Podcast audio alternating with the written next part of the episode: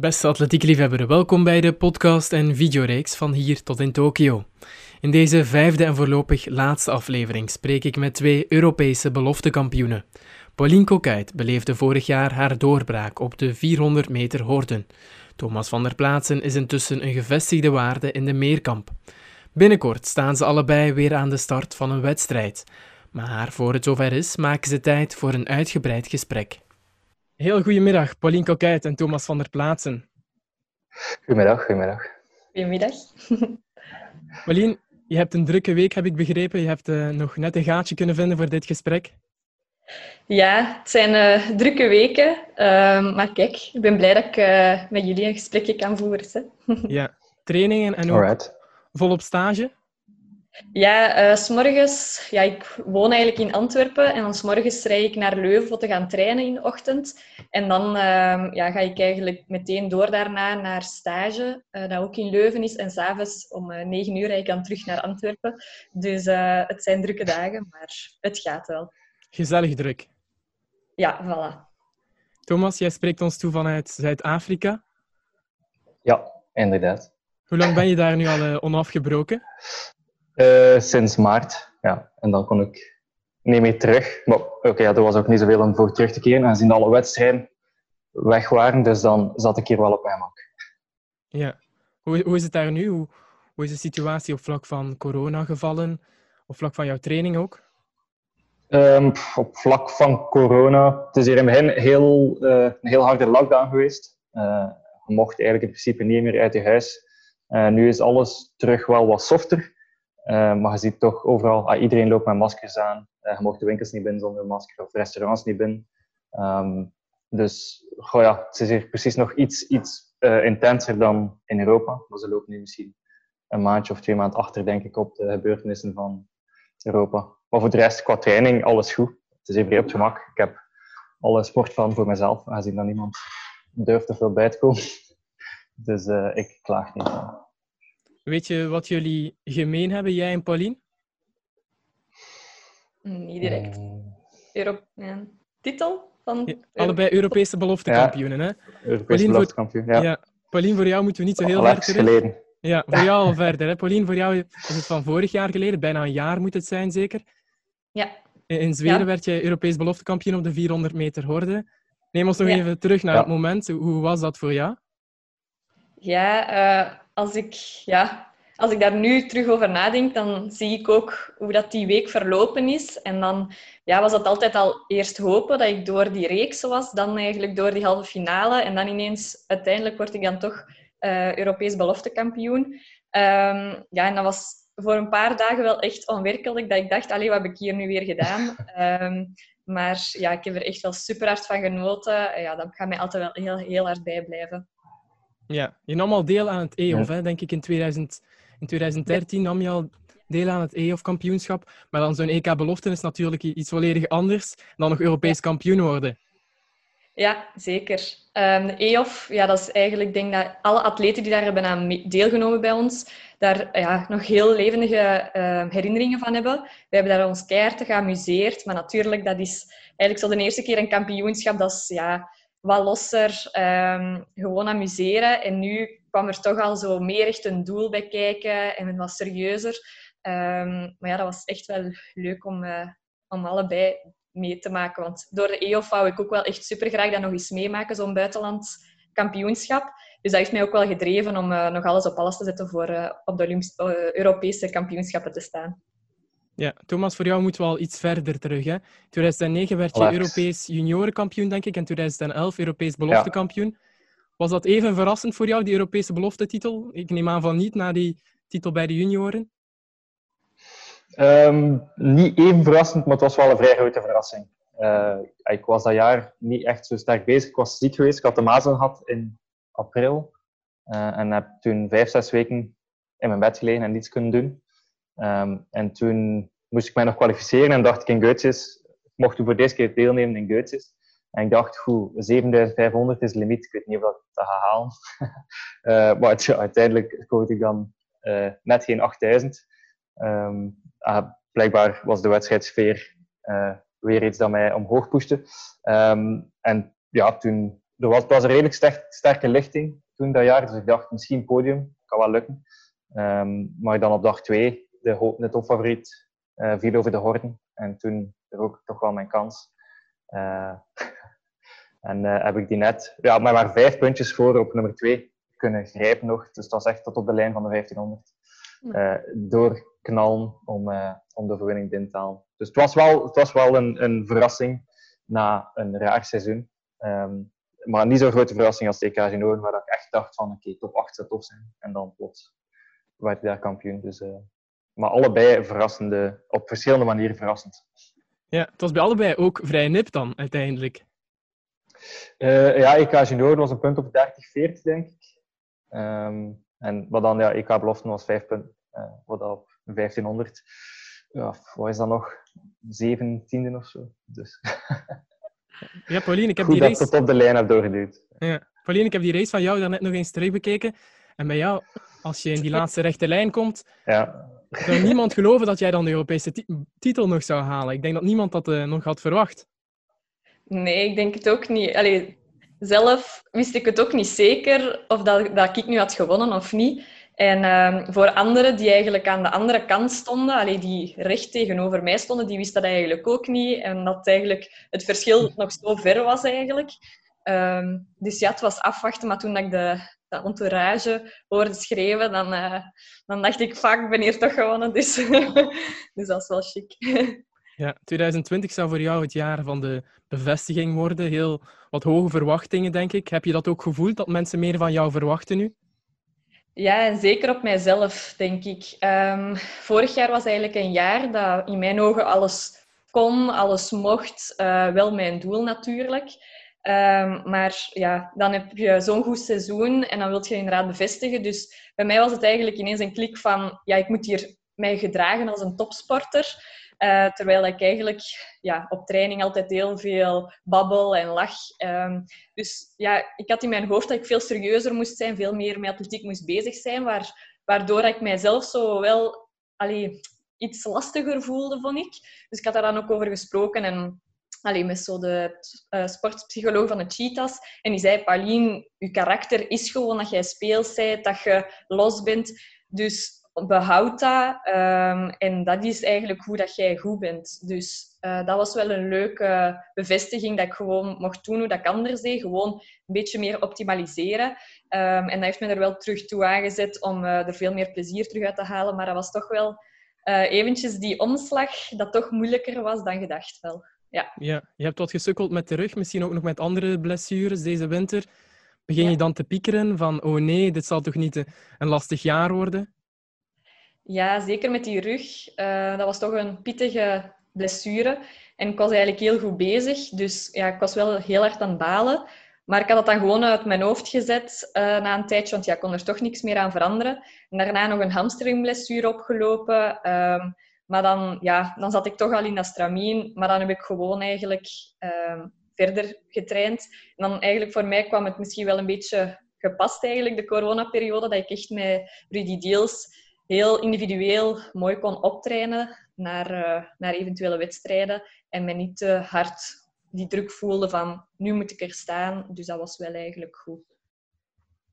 Ik heb me laten vertellen dat jij door een rugblessure die, die lang aansleepte, die lang aanhield, dat jij daardoor gestopt bent met de meerkamp en je bent gaan richten op individuele nummers. Klopt dat?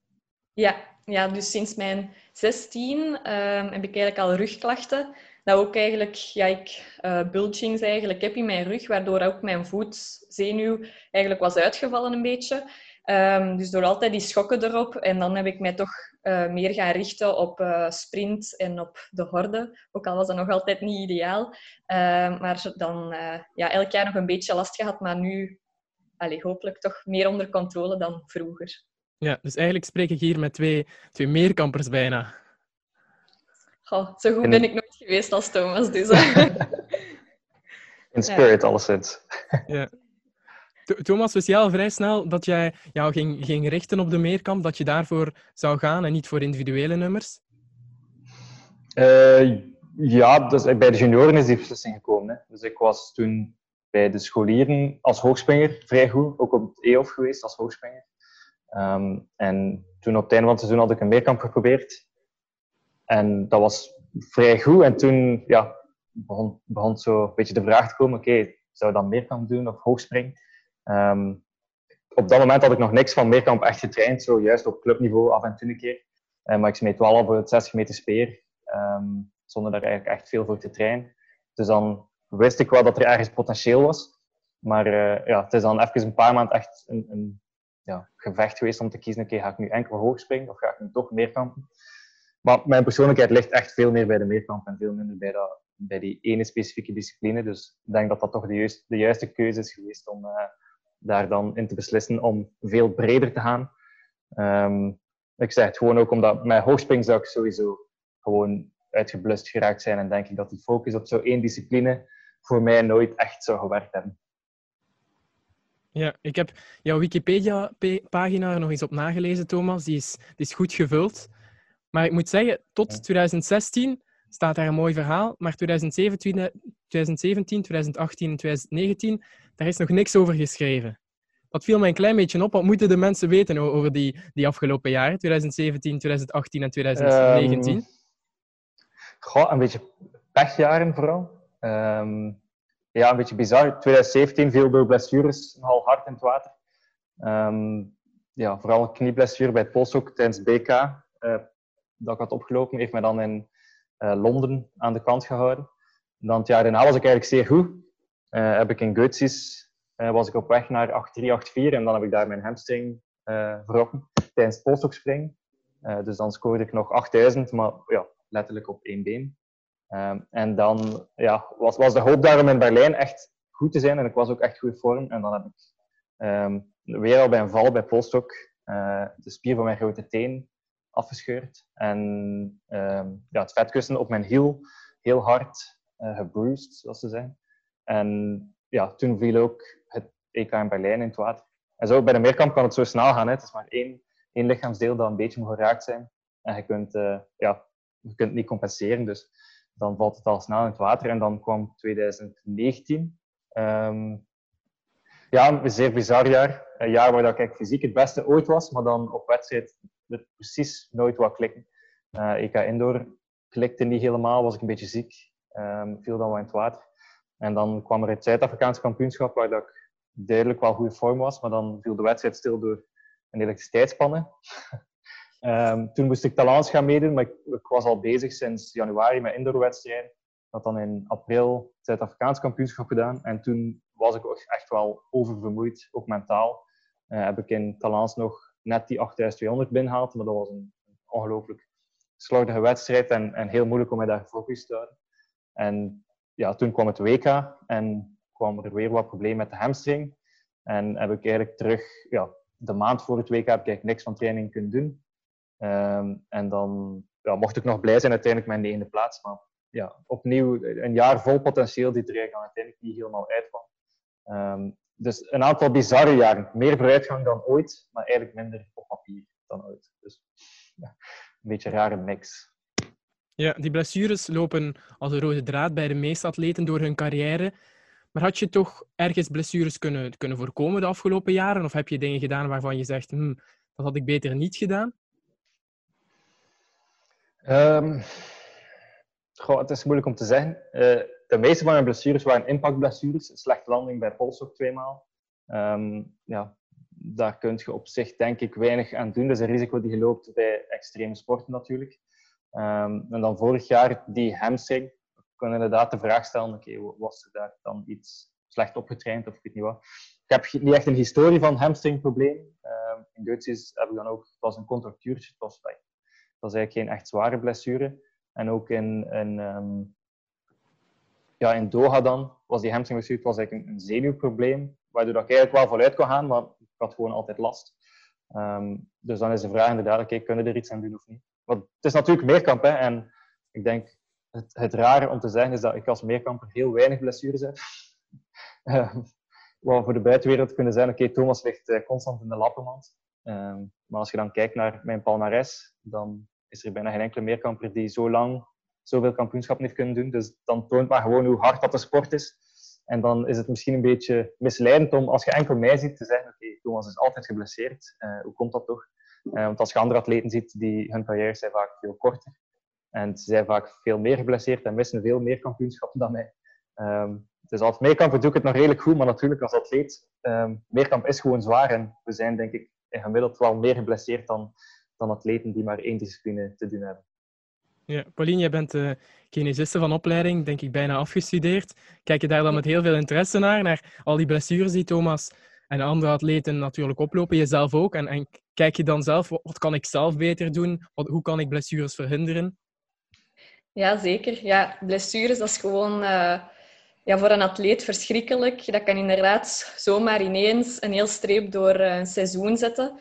Dus uh, ja, ik vind dat ja, ik vind dat, sta er zelf heel, heel hard achter dat we daar uh, zoeken achter een preventie ook voor uh, dat te voorkomen. Bijvoorbeeld met mijn thesis nu heb ik daar um, eigenlijk ja, de preventie van hamstringblessures eigenlijk een luikje daarbij bekeken. Ja, ik heb met, superveel interesse dat, dat, onderzoek gedaan om toch een klein beetje te kunnen bijdragen om dat te verbeteren. En zelf neem ik ook ja, mijn opleiding heel hard mee voor mijzelf om dat ja, zo goed mogelijk toe te passen. Dus ja. Wat is de grootste conclusie uit jouw thesis? Nee, bij ons ging het eigenlijk een klein deeltje over uithouding uh, van de hamstringspieren. Uh, um, en blijkt dus wel dat er uh, toch een verschil in, ver, eh, in uithouding zit bij recent geblesseerde hamstrings. Waardoor dat we eigenlijk ja, voor een tweede hamstringblessure te voorkomen, eigenlijk meer op die uithouding moeten gaan werken in oefeningen. Dus ja, dat is een klein deeltje, maar wie weet kan dat toch al iets betekenen. Ja, jouw coach Rudy Diels zegt dat jij ook actief meedenkt en, en waarschijnlijk soms ook feedback geeft. Hoe mag ik mij dat voorstellen? Zeg jij soms, Rudy, even deze oefening niet, want ik heb te veel last aan mijn rug? Of, of hoe gaat dat bij jullie? Ja, um, als ik inderdaad iets voel of zo, dan, dan zeg ik wat ik al heb gedaan en hoe dat ik dat heb ge Allee, heb aangepakt of zo. Of inderdaad een beetje input geven, um, hoe dat ik het voel of uh, ja, wat hij daarover denkt. Dus zo komen we altijd wel tot een mooi compromis. Dus dat is wel uh, leuk. Ja. Thomas, ben jij vooral degene die uitwisselt met jouw broer over um, blessures, over pijntjes? Of is er ook een kine in de buurt in Zuid-Afrika die jullie kan helpen? Um, ja, er is ook een kine. Ik heb een vaste kine die ik uh, normaal gezien om de twee dagen zie of meer als nodig is. En ook een chiropractor die mij elke week opvolgt. Uh, maar voor de rest is er altijd gesprek tussen mij en mijn broer. Als ik mij niet goed voel, dan, uh, ja, dan, dan leid ik een beetje de training naar wat dat kan en wat dat niet kan. En op die manier blijven we altijd wel in de gezonde zones en nemen we geen risico's. Ik denk dat ook, de relatie met mijn broer, uh, dat dat ook echt wel een groot voordeel is. Want ik ben niet bang om te zeggen van oké, nee, vandaag gewoon niet. Um, en als hij dan toch iets meer wil pushen, dan ja, kan ik hem, durf ik hem wel een keer een middenvinger geven.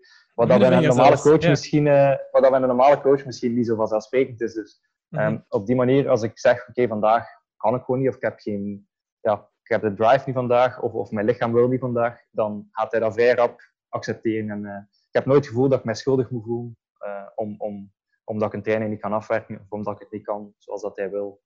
En op die manier denk ik dat dat echt wel een voordeel is. Uh, dat ik mijn lichaam gezond kan houden en dat ik uit die risicozones kan blijven. Doordat ik eigenlijk, ja, er is eigenlijk geen remming voor mij om, om tegen mijn broer te zeggen: stop, nu niet, uh, we doen iets anders. wat dan misschien bij andere relaties met coaches misschien wel vaker eraan te pas komt. Oké. Okay. Pauline en Thomas, we gaan over naar vragen vanuit het uh, publiek, vanuit de atletiekwereld voor jullie. Okay. Voor elk heb ik uh, een vraag voorzien, een vraag in petto. En we gaan uh, over naar de eerste vraag, die is voor Pauline en die komt van een andere 400 meter hordenloopster, Eline Klaes. hey Pauline, alles goed?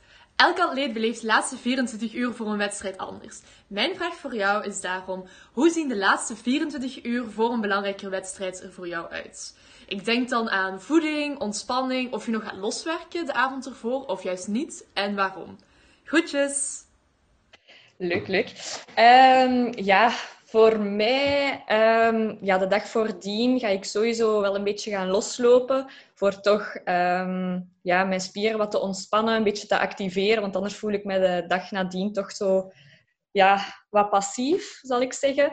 Ehm, en dan, ja, wat ik ook nu sinds vorig jaar doe, is echt de dag voordien mijn uh, wedstrijd um, een beetje visualiseren. Hoe dat ik het ga aanpakken, hoe dat ik aan de start sta, om toch dat gevoel uh, naar boven te halen. Uh, zodat ik ook op mijn gemak eigenlijk ben. Ehm, dat het allemaal wel goed gaat komen.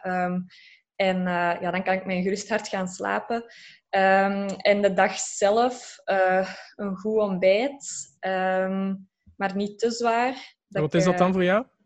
Oh, ja, dat is eigenlijk altijd wel wat verschillend. Ik heb daar wel al zitten zoeken, maar ja, de ene keer is al uh, gewoon een boterham zijn of op een kampioenschap.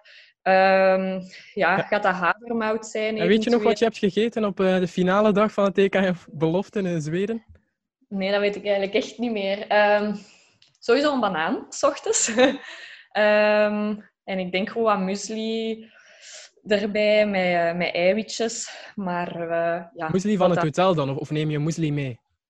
Nee, van, uh, van het hotel heb ik daar wel genomen. Ja. Um, ja, zo echt zo één bepaald voedingpatroon, dat heb ik eigenlijk nog niet. Um, wel, ja, pasta neem ik ook wel altijd vaak drie uur voor een wedstrijd. Maar dan wel genoeg met wat kip of zo, dat ik niet mijn hongergevoel aan de start sta. Um, en dan nog een uur tot een half uur ervoor toch ook nog, nog een banaan of iets van snelle suikers, zodat ik zeker niet met honger aan de start sta. Dus ja, um, en verder een rustige ochtend, nog een klein, allee, als het s'avonds is, nog een beetje los uh, werken, s ochtends. Um, en anders, ja, voilà. Dan is het denk ik zo'n beetje.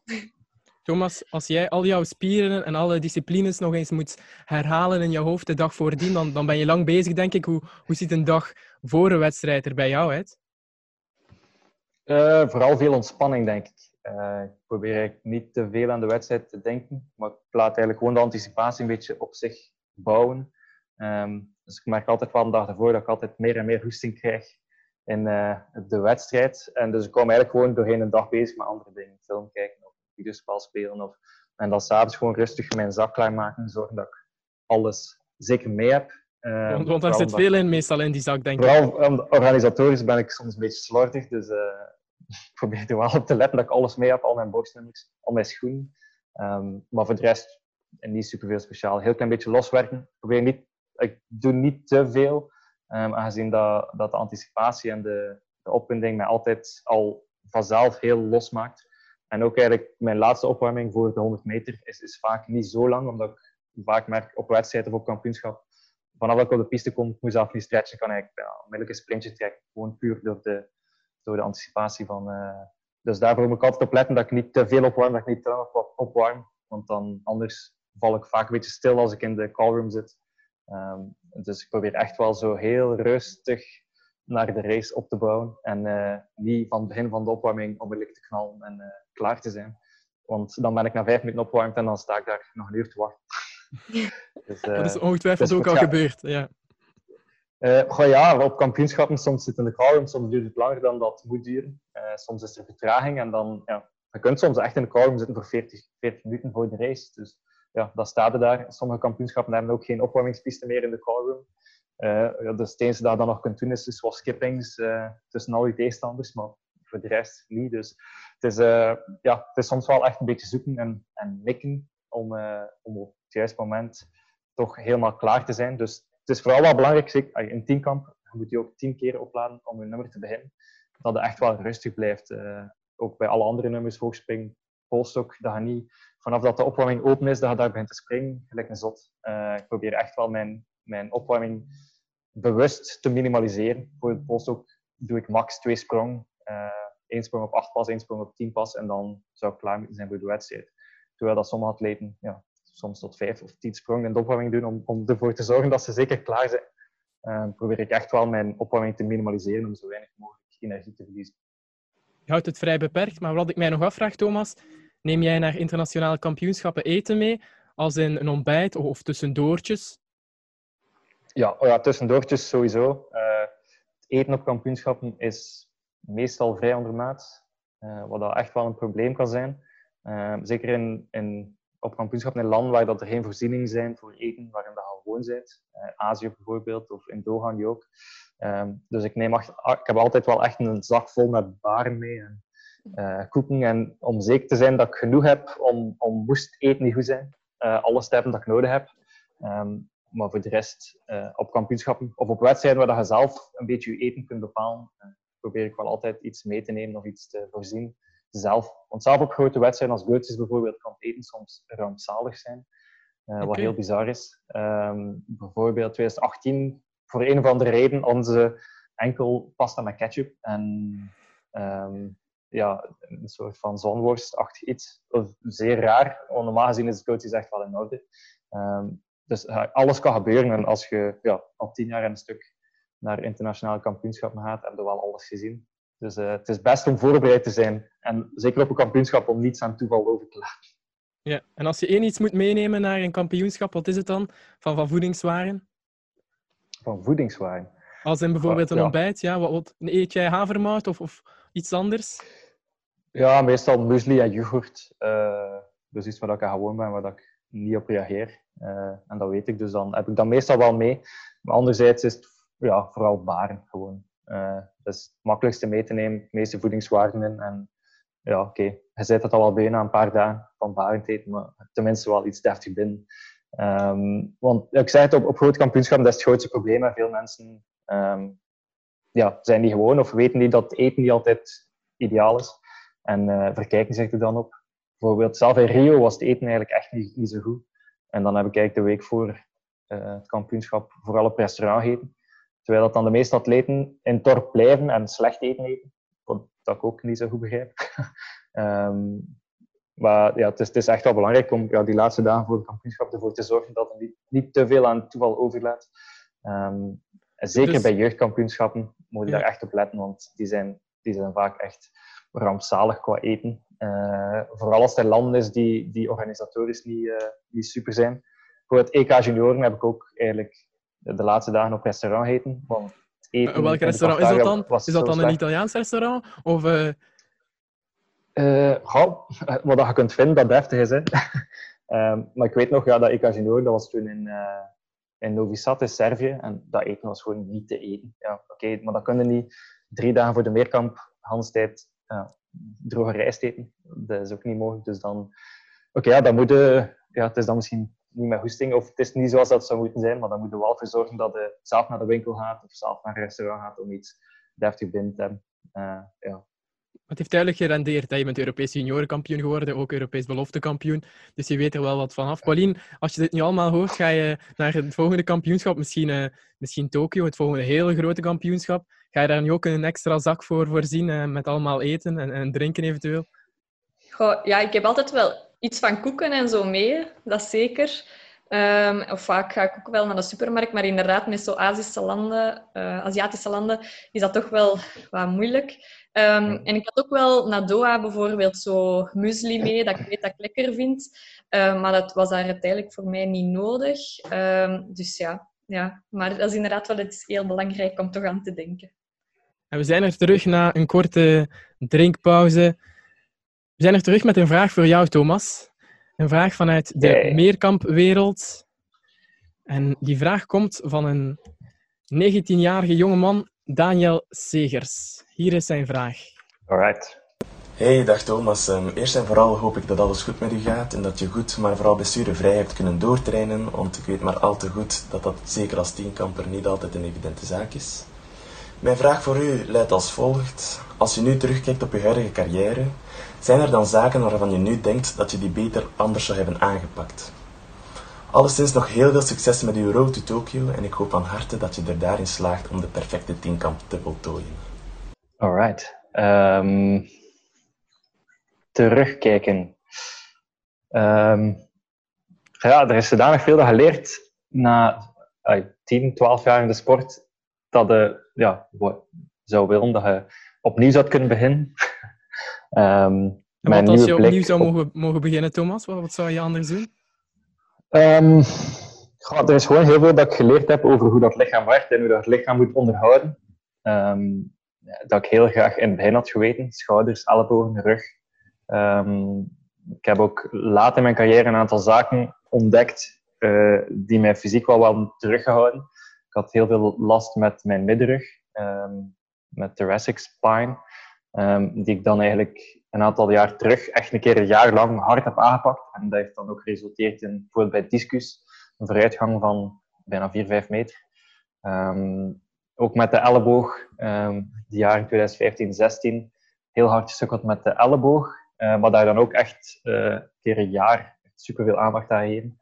En die probleem dan eigenlijk opgelost. Maar goed, had ik dat geweten van in het begin, dan uh, had ik waarschijnlijk veel beter kunnen trainen en veel meer kunnen trainen. ik heb ook altijd heel veel last gehad bij speerwerken, altijd verschillende zaken. Last met de ribben, last met de schouder, last met de elleboog. Um, en met de kennis die ik nu heb over ja, onderhoud van de rug en de schouders, denk ik dat ik echt wel veel beter had kunnen, technisch kunnen trainen. Um, anderzijds, um, wat zou ik nog allemaal anders doen? Ik heb met periodes vrij hard getraind, maar ik ben er denk ik nooit over gegaan. Ik denk dat dat wel voor mijn broer ook een bewuste keuze was om mijn carrière lang te maken en niet te vroeg op te branden. Um, maar misschien zou ik al iets vroeger iets rustiger getraind hebben, denk ik. Um, natuurlijk, ja, na mijn ziekte was ik dan verplicht om echt wel veel rustiger te doen. En ja, ook sindsdien heb ik nooit meer diezelfde volumes als vroeger uh, terug opgepikt. Um, maar ik zeg, het is vooral qua kennis en qua, qua training dat ik heel veel bijgeleerd heb, ook over powertraining. Um, maar hoe is had je zoveel die... veranderd. Ja, maar hoe had je die kennis op, op een jonge leeftijd al kunnen vergaren? Is dat dan met allerlei tests en diagnoses langsgaan bij allerlei specialisten of op een andere manier? Uh, ja, het gaat vooral over begeleidingen, denk ik. Ik denk dat ik en mijn broer samen dat pad een beetje bewandeld hebben. Um, hij was ook nieuw als coach.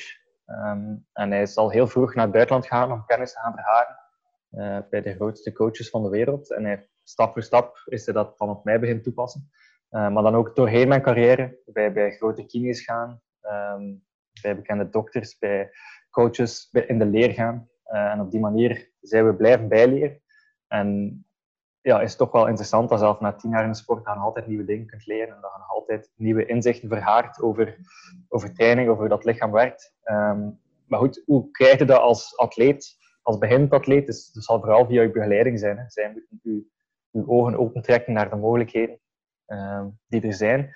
En ik denk dat dat wel duidelijk toont dat er voor, um, om kennis door te geven, dat dat wel een heel belangrijk luik is in, in de sport. Um, en ik denk dat atletiek daar wel, wel moeite mee heeft, aangezien dat de meeste mensen die, die op hoog niveau aan atletiek doen, op een bepaald moment echt iets hebben van oké, ik stap eruit en dan gaat die kennis lichtjes verloren, denk ik. Um, en ik, ik denk dat het echt wel belangrijk is om, om van generatie op generatie die, die ervaring door te geven. Ja, vooral naar overtraining toe um, of, of naar inzichten toe die, die een atleet echt wel blessurevrij kunnen houden. Dus hoe als ik opnieuw had kunnen beginnen met alle kennis die ik nu had, dan had ik redelijk wat dingen anders gedaan. Um, maar ik denk dat het belangrijkste is vooral gewoon eigenlijk niet te zot willen doen en niet te hard willen trainen. Um, want dat komt toch altijd terug om u uh, ja, in uw hat te bijten. Dus um, ja. dat is denk ik de grootste les. En dan, zoals Apolline ook in het begin zei, hè, met plezier hebben op de training. Ik denk dat dat idee van als je een echt atleet bent, moet het serieus zijn, dat dat een beetje uit de lucht gegrepen is.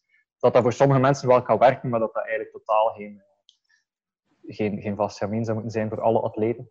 Ik denk dat gewoon, je moet je, moet je goed voelen op de piste en je moet uh, de juiste dingen durven doen. En soms is het juiste uh, is soms heel op het gemak trainen en moet je naar huis gaan en moet je nog fris voelen. Wat dat een bizar gevoel is als atleet. Um, maar ja, soms zijn het dingen die je moet doen en niet degene die uh, het coolst zijn. Die, die uh, ja, het meest rocky-stijl zijn. Go harder, go home. Dat gebeurt eigenlijk maar zelden bij mij. Dus uh, op die manier zijn er heel veel dingen die ik geleerd heb. En ik denk als jong atleet, als je dat zou kunnen ja, allemaal opnemen. Het duurt gewoon ook heel lang tegen dat je al die kennis kunt verharen en tegen dat ze altijd, eh, tegen dat je ze allemaal goed kunt plaatsen ook.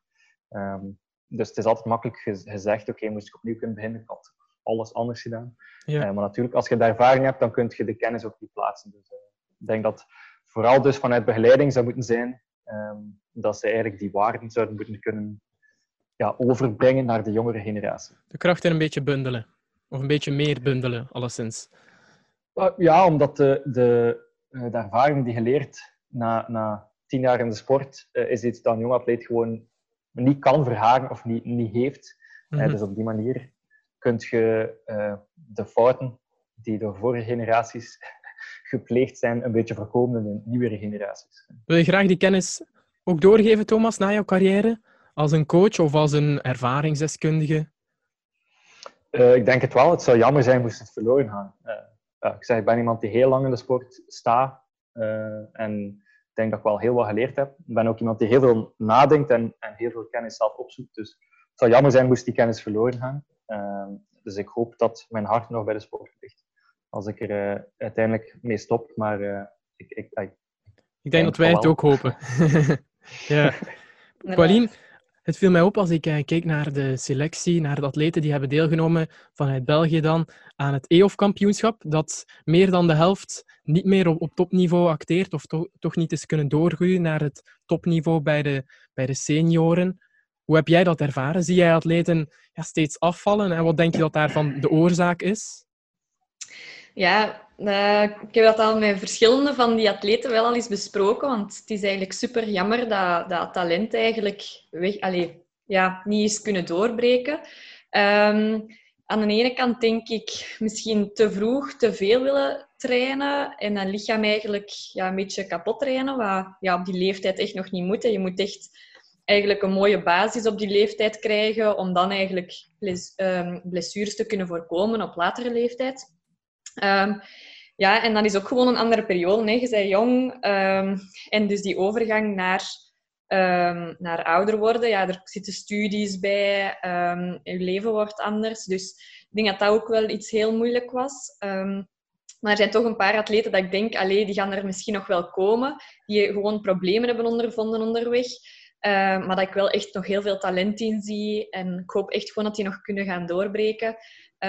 want ja, de, het zou wel echt jammer zijn als, dat, als ja, hun talent verloren gaat.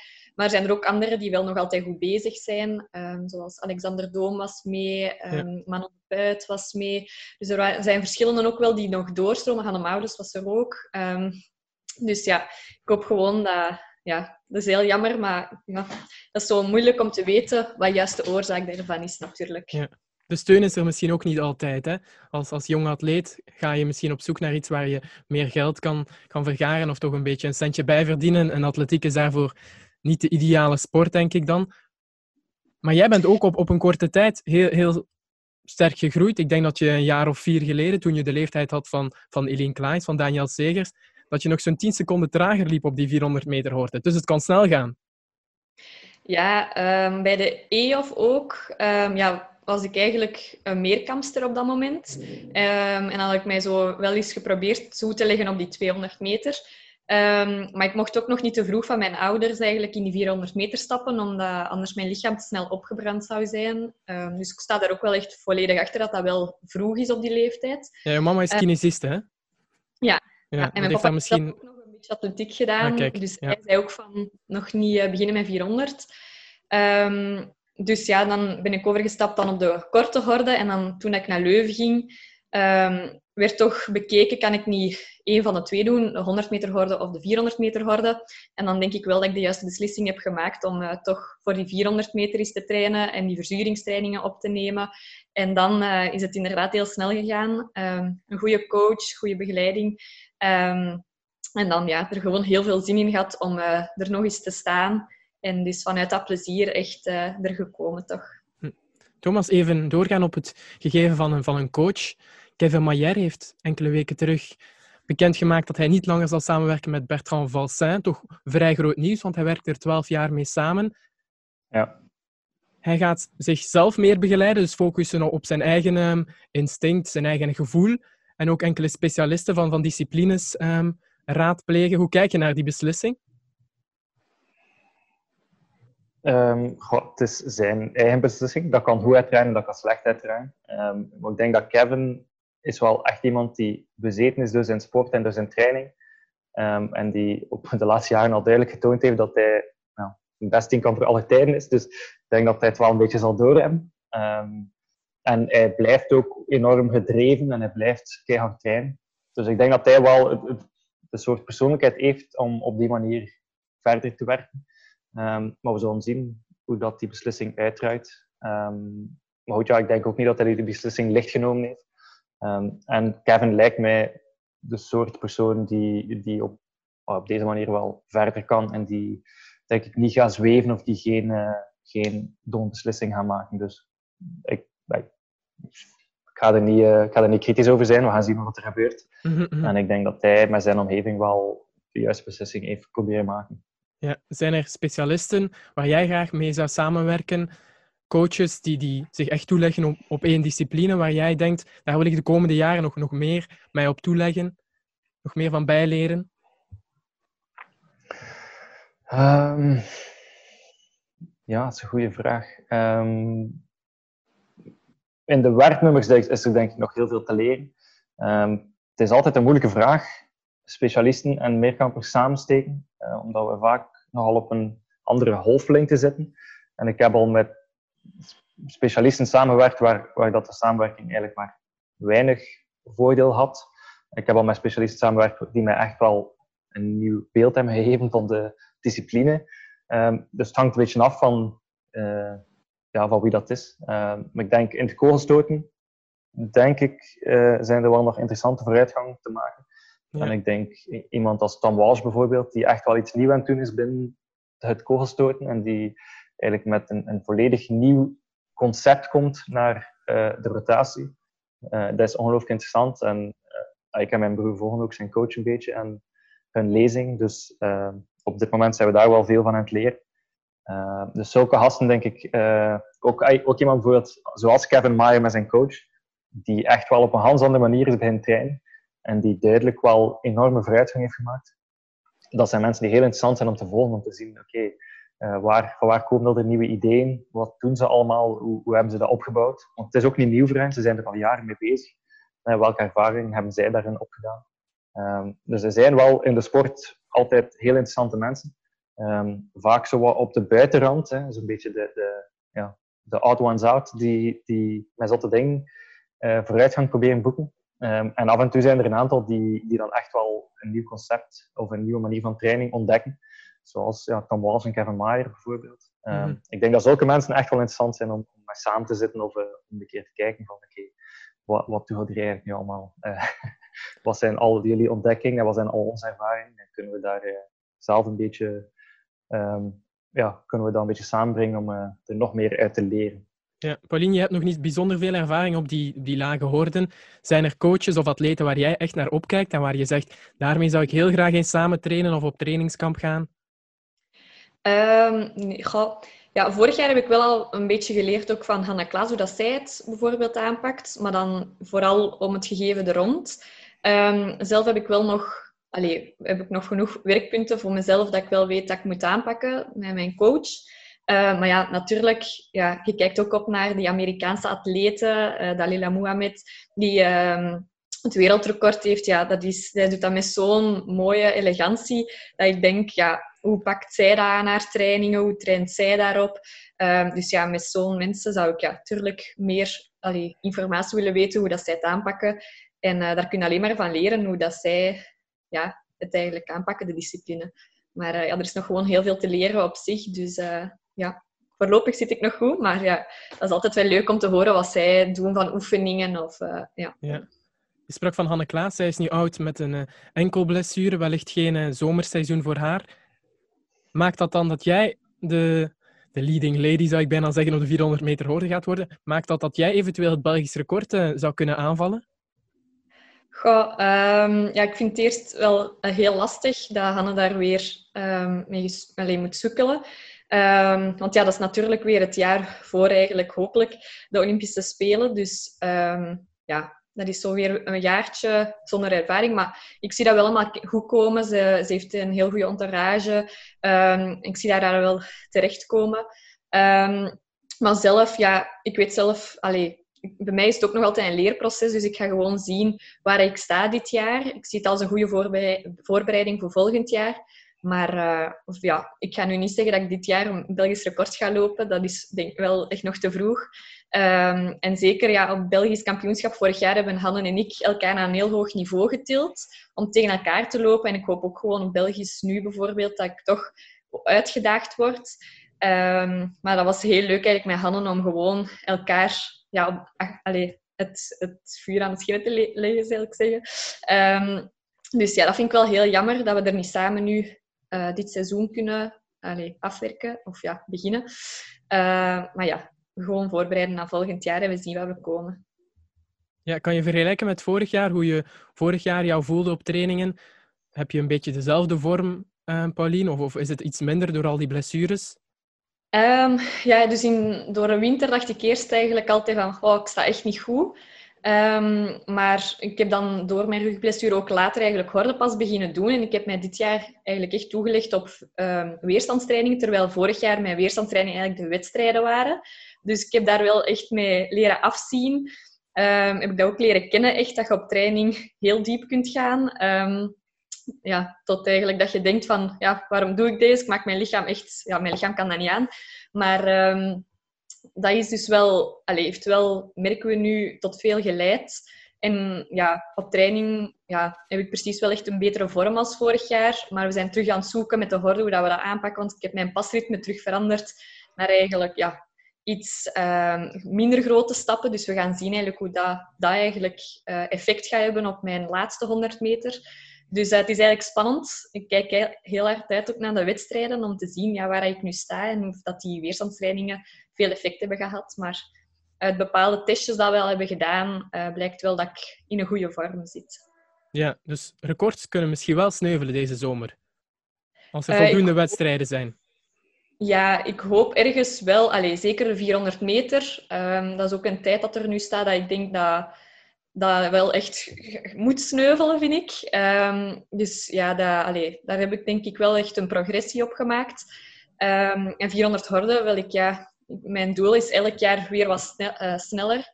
Um, dus ja, ik hoop wel echt dat ik mijn, tijd, mijn beste tijd van vorig jaar kan uh, bevestigen. en dan ja, ben ik heel content. dus ja, het is, uh, het is spannend en leuk om de wedstrijden aan te vatten. Thomas, waar zit jij ergens in, in jouw vormpeil? Heb jij ook al wat testjes gedaan? Goh, moeilijk om te zeggen, maar natuurlijk, elke sprong en elke worp is wel een beetje een test. Dus eh, op dat vlak, als je een kool smijt, weet hoe ver dat is. Dus, dus je moet niet echt extra testen om te weten of het goed is of niet. Um, op dat vlak zit ik in, in een aantal van de nummers wel goed. Ik heb door deze lockdown, ik, ik heb vaak thuis moeten trainen. En ik heb eigenlijk al 3,5 maanden de piste ingezien. Um, maar we hebben wel geluk werpringen buiten de piste hier. Dus ik heb wel veel kunnen werpen. Dus op vlak van kogeldiscus uh, zit ik echt wel in topvorm, lijkt mij. Um, ook al zijn we vooral veel, veel vrij technisch aan het werken en niet zozeer op afstand en zo.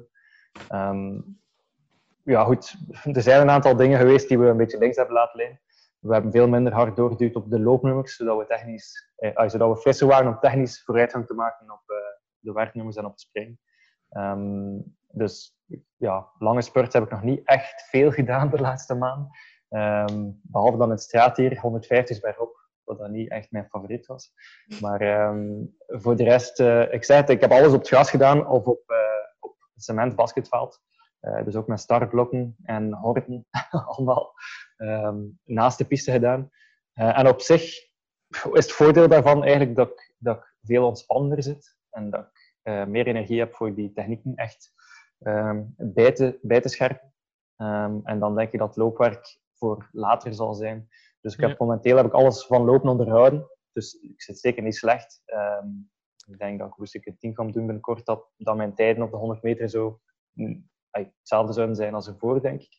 Um, maar we hebben nog niet specifiek gewerkt op, op echt ja, dat lactisch werk en het, uh, het snelheidswerk. Voor de rest is er wel veel meer tijd vrijgekomen en veel energie voor, voor technisch werk, wat wel een interessante periode is geweest. Omdat vaak bij Tinkamp ja, traint je eigenlijk onder constante vermoeidheid. Wat we op dit moment dan um, niet gedaan hebben. Dus alles is veel ontspannender. Um, er zijn weinig verplichtingen. Uh, dus ik voel dat ik uh, met heel veel goesting um, doorwerken aan, aan, aan de nummers waar dat ik nog, nog werk te doen heb. En heb je al wedstrijden op de planning staan, Thomas? Ehm, we zijn op dit moment aan het kijken wat er allemaal nu in zijn plooi valt. Ehm, ja, het heeft lang geduurd tegen dat de kalender zo een beetje duidelijk werd. werd. Dus ehm, ik heb echt wel zin om, om een aantal wedstrijden te doen deze zomer. Ik wil graag een aantal werknummers zeker testen. En ik zou eigenlijk misschien graag zelf ook een tienkamp doen. Maar op dit moment uh, zijn we er nog niet echt aan uit waar of wanneer dat, dat gaat zijn. ik denk dat het kampioenschap er ook zal bij zitten. dat is kampioenschap individueel of, of tienkamp? Want dat valt nu samen, hè? Ja, het, het lijkt waarschijnlijk dan individueel. Uh, ik zeg ik heb al, ben al vier maanden niet op de piste geweest bijna. Uh, dus voor zaken als verspringen en hordenverluid is dat niet ideaal. Dus ik, keer zondag terug naar huis. Dus dat zou wel zijn dat ik maar vier weken heb om al die nummers in zijn plooi te gieten.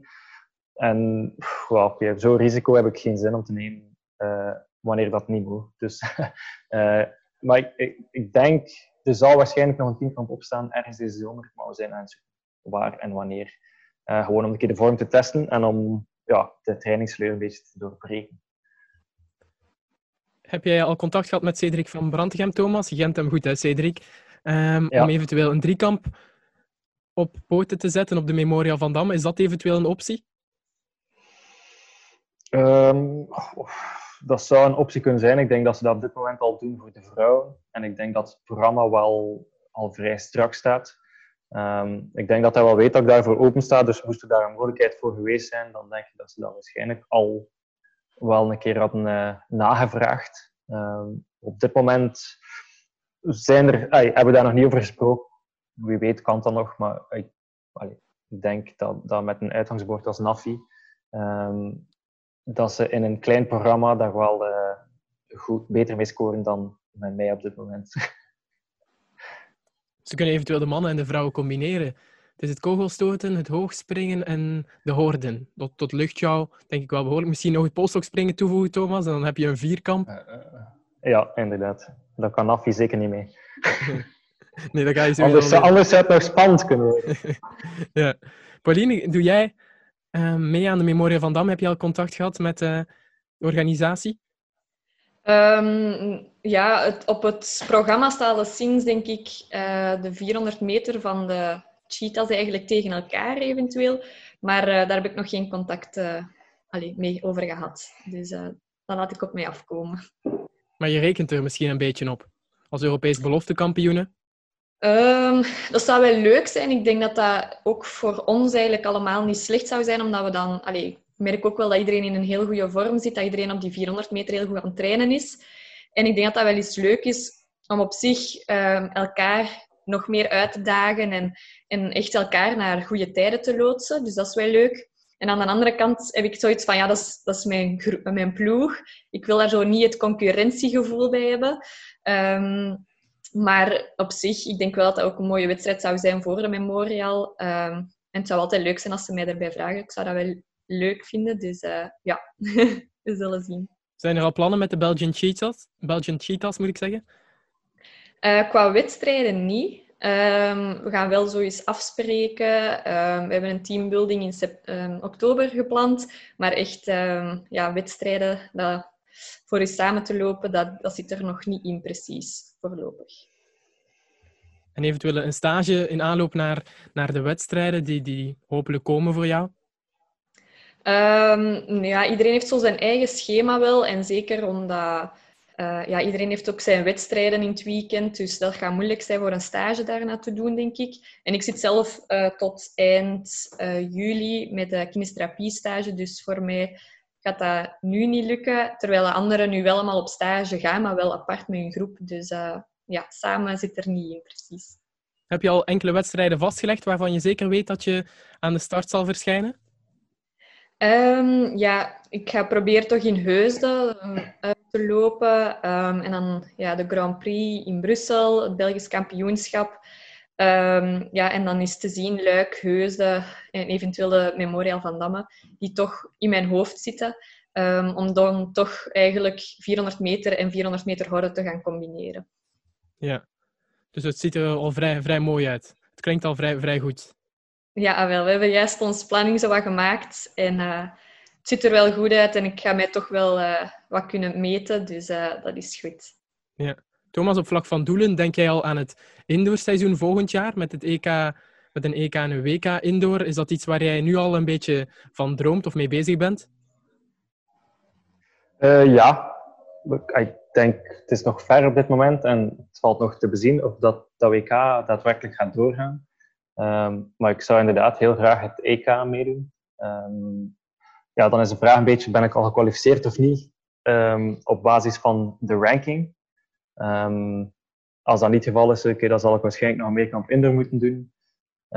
als er dan ook nog een EK is en een WK, dat zijn, dan al drie indoor meekampen. Uh, dus het valt een beetje te bekijken hoe dat seizoen verder gaat en of dat ik dan in die auto automatische selectie zit of niet. maar ik, ik doe altijd graag indoor, dus ik hoop dat dat er dit jaar wel zal bijzitten terug. Ehm, en, maar ik zei, het is nog zodanig onzeker allemaal en het seizoen ziet er, is, is nog zo ongepland dat, uh, ja, dat ik er enkel nog maar in, aan het idee gedacht heb, maar nog niet echt, uh, nog niet echt gepland heb op dit moment. Ja, je dus we zien wel wat er allemaal, wat er aan komt. Ja. ja, je wordt 30 in december, denk ik.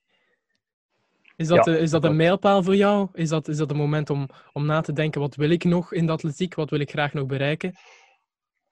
Um, goh, een mijlpaal niet echt. Uh, je wordt gewoon 30. Ik heb daar niets aan gedaan eigenlijk. Behalve overleefd. Maar um, ja, bij de inderdaad, het is een beetje de leeftijd die, uh, ja, die zegt, oké, okay, je wordt... Zit bij de ouderen nu. um, maar op dit moment zit mijn lichaam nog goed. Uh, ik voel geen verschil met, met acht, negen jaar geleden, toen ik nog jong was. Dus ik denk, zolang dat mijn lichaam goed zit en dat ik nog goesting heb om door te doen, um, dat ik ga doordoen. Um, ik zeg het, qua PR's en zo blijft mijn niveau ook altijd omhoog gaan. Dus op dit moment uh, voel ik nog zeker geen regressie. Dus uh, ik denk, ook persoonlijk heb ik ook nog iets te veel doelen en heb ik nog iets te veel het gevoel dat er nog vooruitgang is uh, die kan gemaakt worden. Dus ik doe door en dan denk ik, ja, na de Olympische Spelen en na het WK in Eugene, zullen we waarschijnlijk jaar per jaar bekijken wat de mogelijkheden zijn, of dat de hoesting er nog is, of dat er misschien andere uitdagingen buiten de sport uh, op mijn pad komen. Uh, maar ik denk niet dat ik daar op dit moment al echt veel over kan zeggen. Dat zal jaar per jaar beslist worden, denk ik. Ja, maar je bent, als je daarnet sprak over uh, de, de afgelopen jaren, 2017, 2018, 2019, ben je een beetje op je honger blijven zitten door, door blessures. Wat wil je graag nog bereiken? Wat is die ambitie van jou? Mm, goh, ik denk dat er nog wel uh, wat rek op zit op een aantal nummers, vooral die werknummers. Um, en dan is het denk ik gewoon um, kwestie van een keer alles samen te brengen. Ik heb uh, het laatste jaar veel vooruitgang gemaakt, maar ik heb het op geen enkel moment kunnen in een volledige meerkamp samenbrengen. Soms door omstandigheden of soms door blessures. Um, dus ik denk op het moment dat alle nummers een keer degelijk gaat samenkomen, dat er wel echt een dikke beerkap in zit. En dan ik denk niet dat ik mijn carrière wil eindigen zonder dat ik ooit een, een 8-5 heb gescoord, bijvoorbeeld. Um, en ik denk dat dat er zeker wel in zit. Maar ik zeg die meerkamp, alles is zo gevoelig. En ik denk dat er wel een keer een wedstrijd zal komen waar alles in zijn plooi valt. En waar ik ja, niet geblesseerd ben en waar dat omstandigheden goed zijn. En dan komt er een dikke score uit, normaal gezien. Um, maar ja, de laatste jaren heb ik inderdaad een beetje op mijn honger gezeten. Um, maar ik denk dat zulke zaken die blijven duren. Ik zeg het, ik blijf, ik blijf mij goed voelen. Mijn lichaam blijft, blijft zich goed voelen. Um, ik blijf vooruitgang maken op training. Dus ik, ik kijk er nog altijd naar uit om, uh, om wedstrijden te doen en om PR's te breken. Ja, waar heel veel supporters dan in geïnteresseerd zijn, en ik denk ook journalisten, 8500 punten. Waar brengt jou dat dan op internationale kampioenschappen? Zit je dan, dan dicht bij de medailles? Meestal wel, denk ik. Nou, dan zit je inderdaad dicht bij, bij medailles top 5 meestal. Uh, afhankelijk van waar en wanneer. Soms is het 8-7 voor medailles, soms is het 8-4. Um, ehm, dat kun je nooit voorspellen. Maar je moet jezelf in de mix kunnen smijten. En ik denk, uh, met een 8-5 kun je jezelf inderdaad in de mix smijten. Dus dat blijft mijn doel. En goed, ja, vorig jaar in Talans heb ik ja, in een halve meerkamp 8-2 gescoord. Um, met een rampzalige eerste dag. Dus ik denk dat het wel duidelijk is dat er nog rek op zit. Maar ik zei het moet allemaal samenkomen. En in Meerkamp is dat blijkbaar niet zo gemakkelijk. Uh, dus ik blijf geduldig doorwerken en hoop dat het op een bepaald moment toch een keer allemaal in zijn plooi valt. Um, maar goed, als je, niet, als je jezelf niet in de mix met, dan kun je ook nooit prijzen winnen. Dus ik blijf, ik blijf mezelf uh, ja, in de mix gooien. in de hoop dat ik, dat ik goed blijf presteren. Thomas, ik heb al heel veel vervelende vragen gesteld uh, het afgelopen uur, maar ik wil jou toch nog één vervelende ja. Voorleggen. Nu we, al de, nu we spreken over ambities en over 8500 punten, medailles. Is het ondenkbaar dat jij meestrijdt voor de medailles in Tokio volgend jaar? Of is dat realistisch? Goh, realistisch. Mijn niveau zal toch wel nog een stuk omhoog moeten gaan om dat echt realistisch te maken. Um,